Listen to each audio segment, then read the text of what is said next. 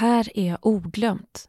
Jag tycker oftast när jag läser historiska texter att min förväntan är att hitta en vanlig straight historia. Om lesbisk historia. Förväntan att hitta lesbisk historia är väldigt låg och det är ingenting som är medvetet utan det är en sån här bild som jag tror att man bara har fått att historisk tid är lika med heterotid på något vis. Och vad har vi egentligen för tankar om historia? Är den straight? Eller homo? Eller kanske queer? Lesbisk historia är väldigt osynlig, men kan ibland hittas i brev och dagböcker. Jag heter Moa Svan. Spår kan också anas i berättelser om kvinnorörelsens förkämpar. Och det där, det var Li Kolker.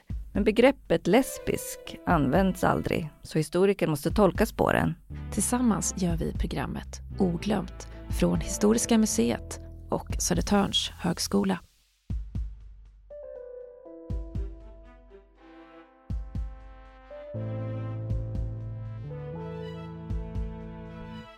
Vår egen bild av hur en samkönad relation eller en lesbisk identitet ser ut är väldigt annorlunda mot hur det faktiskt var för hundra år sedan eller mer. Kanske kan vi aldrig hitta den lesbiska hjälten som lever öppet med sin sexualitet. Men vi kan och bör vara öppna för den mångfald av relationer och sätt att leva som har funnits. Vi ska prata med två forskare som har hållit på i flera decennier att forska om just lesbisk historia och queer historia. Tuula Juvonen och Rika Tävetti.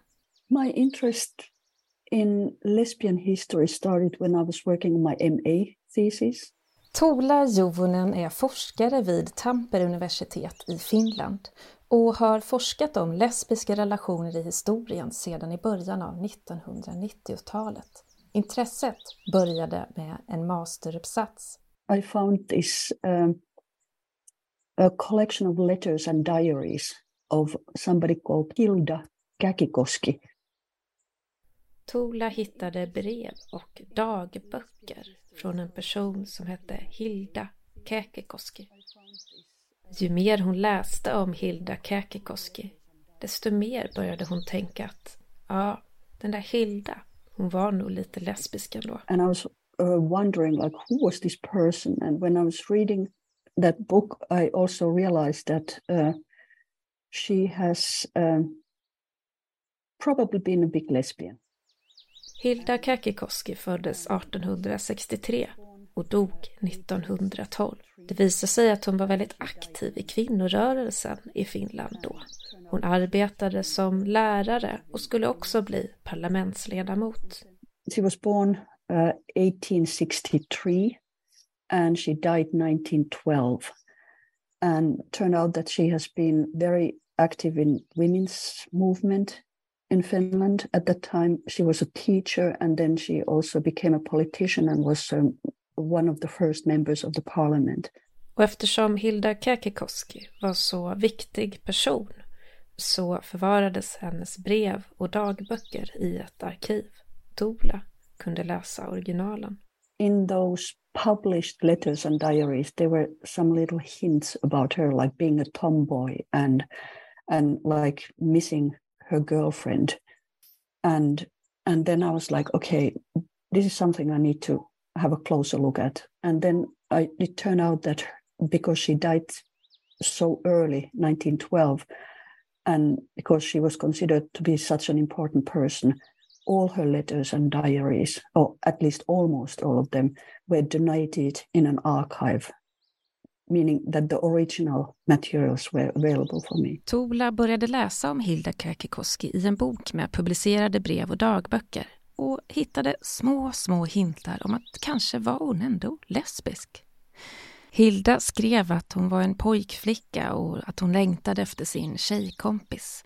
Till slut gick Tola till arkivet där det fanns fler opublicerade brev och dagböcker i Hilda Käkikoskis arkiv. And while I was reading them I was able to uh, find uh, several relationships that she has had with other women or like this intense uh, uh, exchange of letters at least And so I ended up writing my MA thesis about her. And that's how it kind of started. Hon såg att Hilda Kekikoski hade haft många relationer med kvinnor och haft intensiva brevväxlingar med några.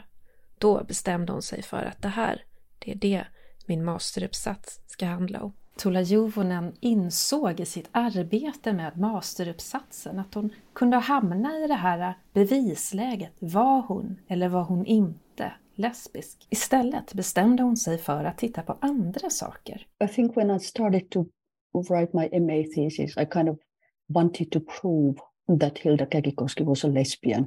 And, and then when I was uh, working on my thesis, I kind of had to step back a bit because I started to realize that, well, actually, in Finland, we did not have the word lesbian in the time when she was living. So she never could have identified as a lesbian. We do not do a favor in history if we take single women out and give them identities and then start to sort of this fight like was she wasn't she but what i would like to do is to kind of draw a bigger picture about the time and the conditions in which these women were living. Vad jag vill göra, säger Tola Juvonen, det är att måla upp en större bild om tiden och de förhållanden som de här kvinnorna levde under. Hur såg deras liv ut? Vad var det som gjorde att de kunde ha de här känslomässigt intensiva relationerna? Och vad förhindrade dem från att kunna prata öppet om sina relationer?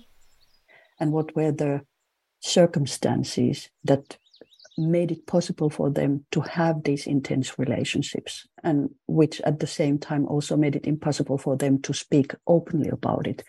For example in finland same-sex sexual, same-sex sexual deeds between women were illegal at the time when Hilda Kärkikoski was having her relationships. I Finland var samkönade relationer olagliga när Hilda Kärkikoski levde under slutet av 1800-talet och början av 1900-talet. So obviously a woman in her position could never have been able to talk openly about it.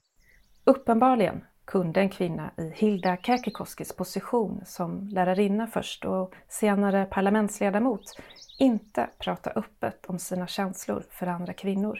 Men hon umgicks i kretsar där det fanns flera andra kvinnopar som också var väl ansedda i samhället de levde i. But nevertheless she hang around with a group of women where there were plenty of these female couples who were respected women. Så hur ska vi förhålla oss till historiens kvinnor där vi inte kan slå fast att ja, de här var lesbiska, de var tillsammans, de levde i en kärleksrelation. Hur ska vi kunna skriva deras historia och göra dem rättvisa? If you, if you take a really black and white worldview about like homosexuality, heterosexuality, and then project that into the time that she was living in, it totally gets like schizophrenic almost. You can't understand what was going on there. And therefore, I think we kind of have to forget what we have so to say, learned about what is homosexuality, what is heterosexuality, and then step back in time and try to sort of see what was actually going on there, and then talk about that. Ja, det gäller att försöka se bortom det vi i modern tid lärt oss som en svartvit version om hetero eller homo.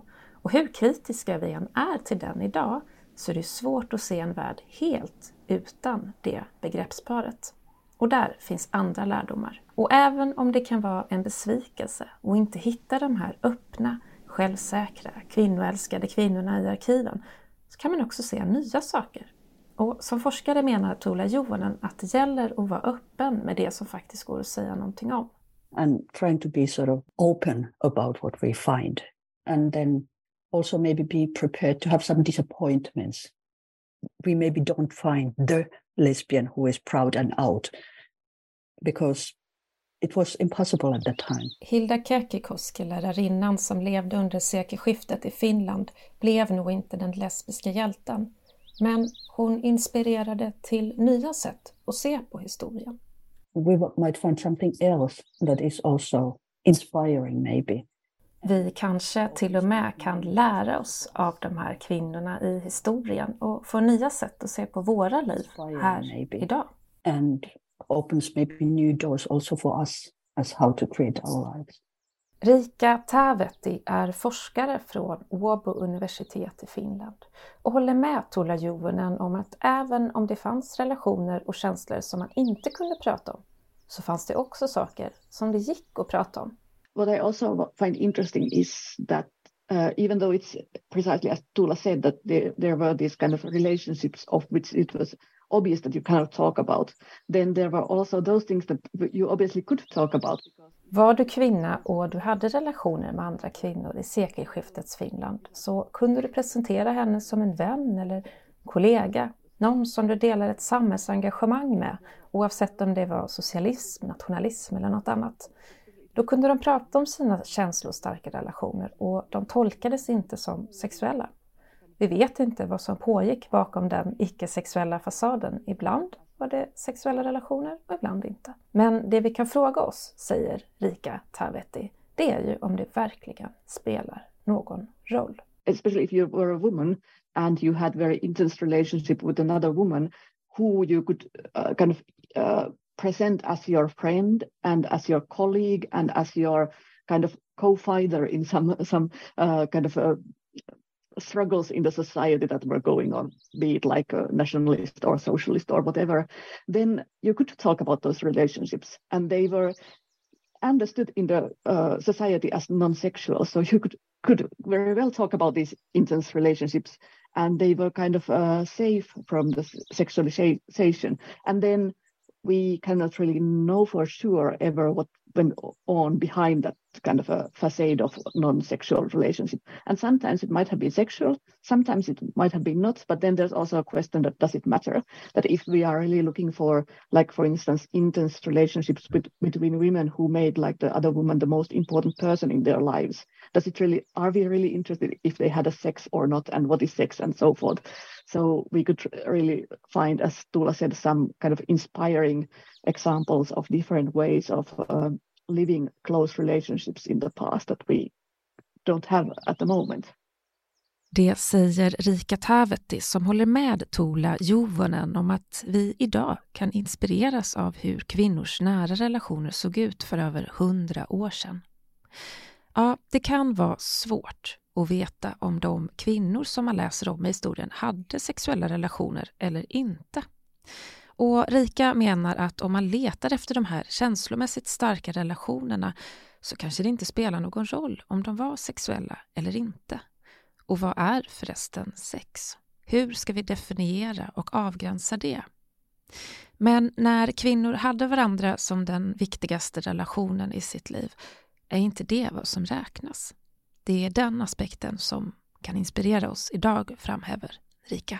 What I also think uh, is interesting and maybe important to uh, Tuula Juvonen igen. Much of what we know is either lesbian history or gay history.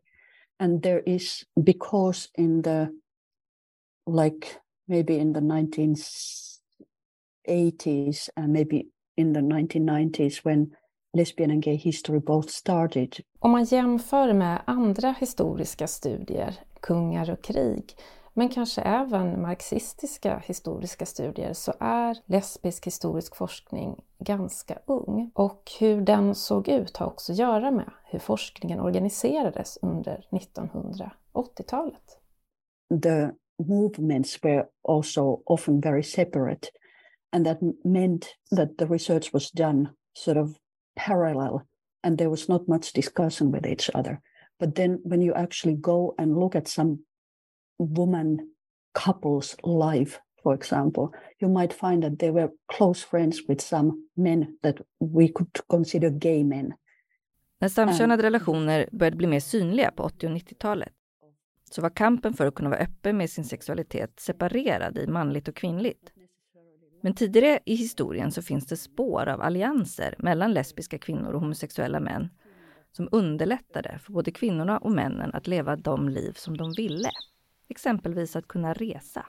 You kind of start to see these networks of people that were cross-gender networks, not necessarily love relationships between men and women, but I have the feeling that uh, these gay men clearly enjoyed being with these these lesbian women and the lesbians enjoyed being together with these gay men using gay and lesbian here very loosely.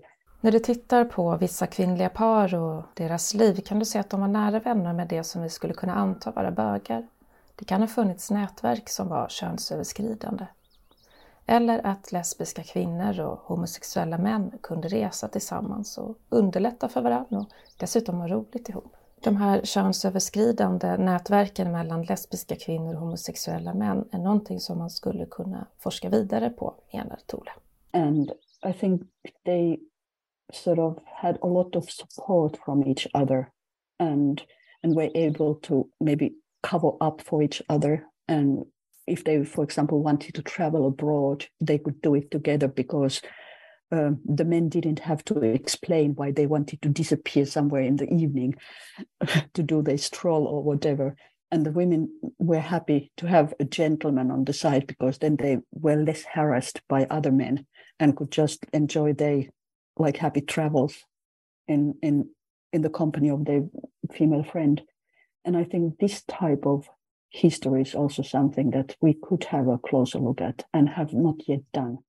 Yeah indeed. And that also tells of uh, what kind of social class and what kind of uh, part of society we are looking at because it was so rare that people could travel abroad and so rare that that women had an actual profession. I mean a profession in a sense that they studied for it and then they had like as a teacher or as a nurse or some other of these, which were also very helpful in a sense that these were also often professions that you needed to be unmarried in. So you couldn't continue your career once you married. So it was kind of a also an excuse of not getting married. But this obviously was not true for the majority of uh, women at that time. But... Kvinnor som kan resa och jobba som lärarinnor säger också någonting om vilken social klass vi pratar om. Man kan också titta på andra kvinnor som inte hade de möjligheterna. So even from the like early 20th century, we only usually learn about these rather uh, higher class or upper middle class peoples and their experiences. But it would be really interesting to know how, for instance, working class female couples made their life to work. So even from the like early 20th century, we only usually learn about these rather uh, higher class or upper middle class peoples and their experiences. But it would be really interesting to know how, for instance, working class female couples made their life to work. Ja, eftersom att vi oftast forskar och läser om överklasskvinnor eller mer välbeställda kvinnor så vore det väldigt intressant att kolla på arbetarklassens kvinnor och hur de kvinnliga paren där hade sina relationer. It is also very possible because uh, Tula uh, has studied Tampere and Tampere has been known as this uh, City of Women. Tolas forskning om staden Tampere i Finland är ett exempel där det vore intressant att titta mer på kvinnorna som bodde där. Tampere var nämligen känt som en kvinnostad på grund av de linne och bomullsfabriker som fanns där. Och där skulle det absolut kunna ha funnits flera lesbiska kvinnopar. Where there were cotton and, and linen factories in which a lot of women worked, and therefore these women were rather poor, and therefore they lived together in very uh, tiny households, and that was also a kind of completely acceptable reason to live together. But we know next to nothing about the lives of these women, these women, for instance, as lesbian couples. Det fanns många bomullsfabriker och linnefabriker där det jobbade en hel del kvinnor och därför var kvinnorna också rätt fattiga och bodde i små hushåll. Det var en acceptabel anledning för kvinnor att bo tillsammans, men vi vet väldigt lite om de här kvinnorna som just lesbiska par. And also um, early on when you were talking about how we often assume that when you go into, into back into the history you will find straight people rather than anything queer. Tola Juvonen håller med mig om min spaning som jag hade i början av programmet. Ofta läser vi historiskt berättande och särskilt medeltid eller tidig modern tid med en oformulerad, omedveten förväntan att endast hitta det heterosexuella. Man bara antar att historia är hetero och det har med källmaterialet att göra, menar Tola Juvonen. And I think that is also something that has to do with, as you also mentioned, with the uh, quality of sources that the researchers are using. Most of the research that has been done is based on on court records, for example. Källorna från medeltid och tidig modern tid baseras oftast på domstolsprotokoll. Och de flesta fallen handlade om vem som gjorde vem gravid och vem betalar nu för det barnet. Det gör att historien ser väldigt hetero ut, som om inget annat hade funnits. Most of the cases when it comes to court records were about who got whom pregnant and who is now paying for that child.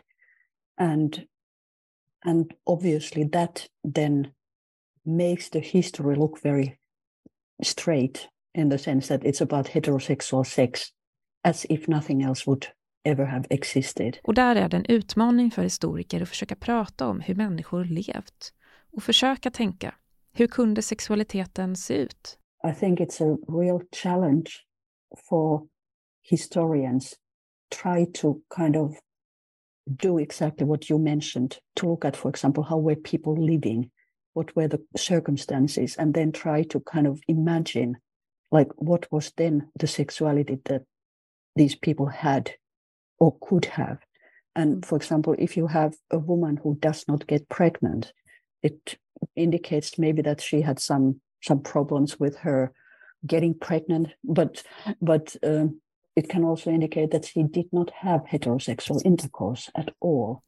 Om det finns en kvinna som inte kan bli gravid tänker man ofta att det indikerar att hon hade problem.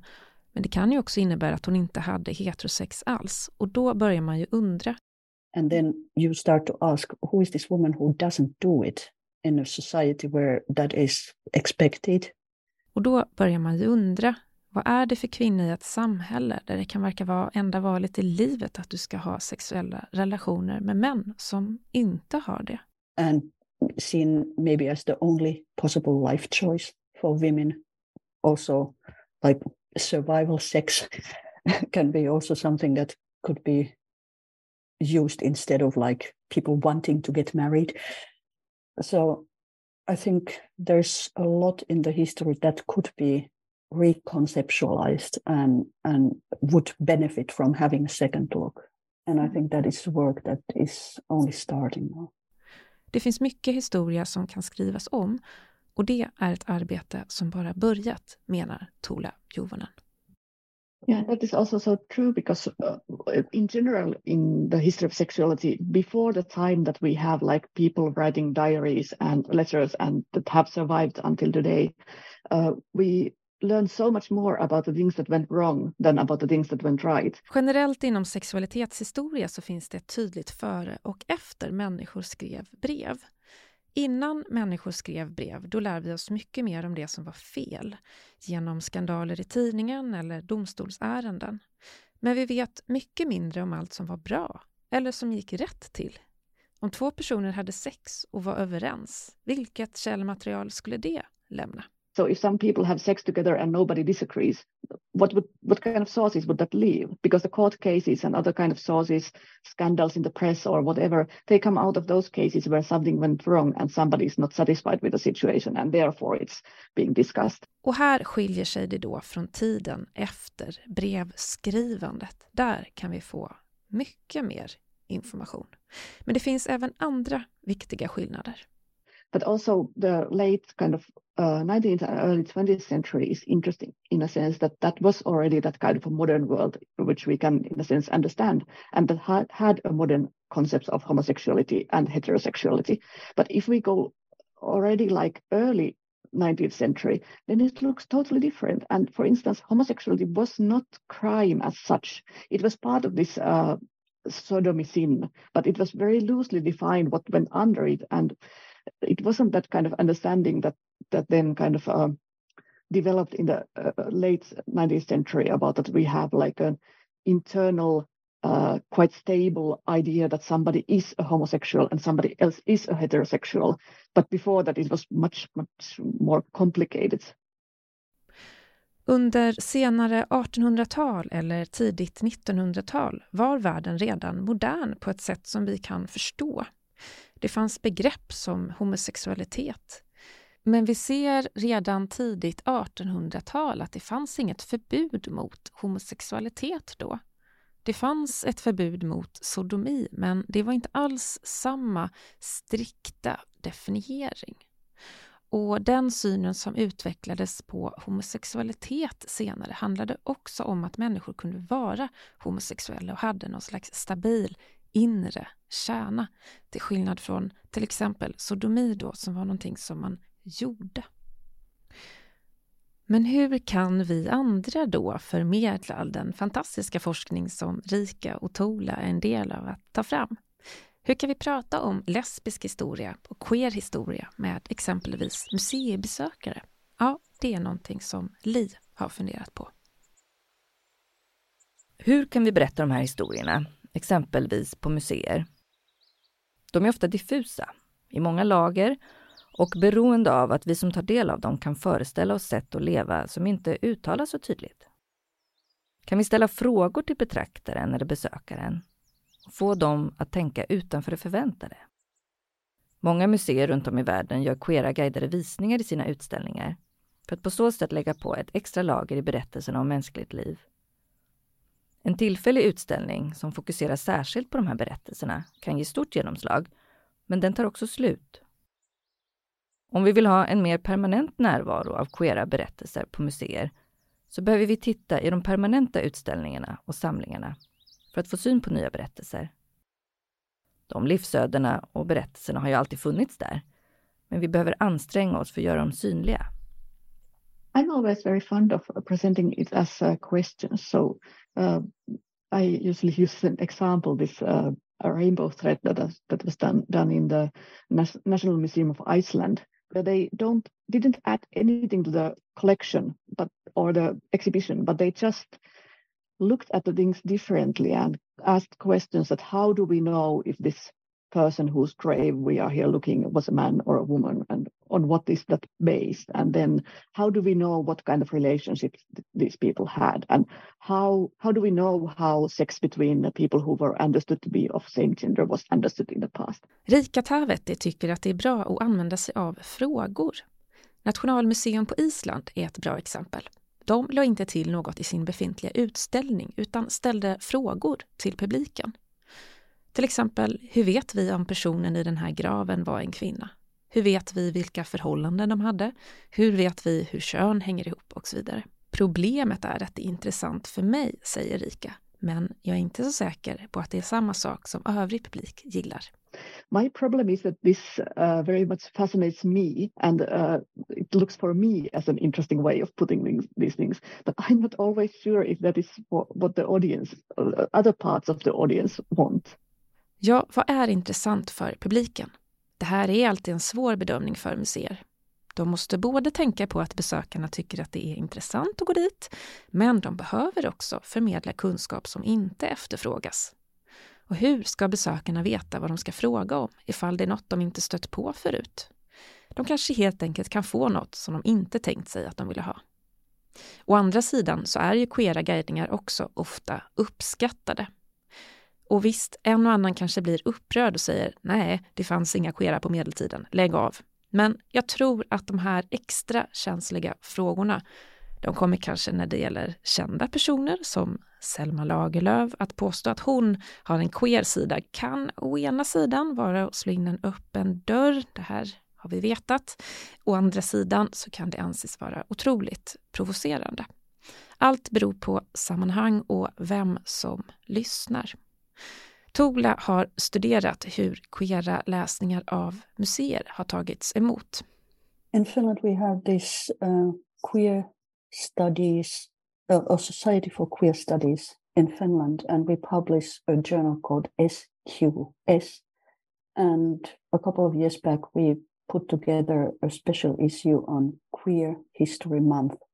And in that special issue, then I was writing an article about uh, queer guided tours in museums.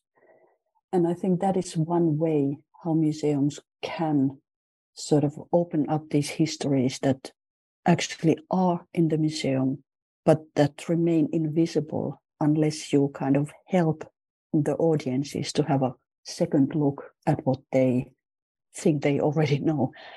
And I was uh, the I was looking at three guided tours that were held in art museums, and there were three different takes uh, by these um, guides how they presented the queer history and how they sort of encourage the audiences to look at what they are seeing and seeing it maybe differently.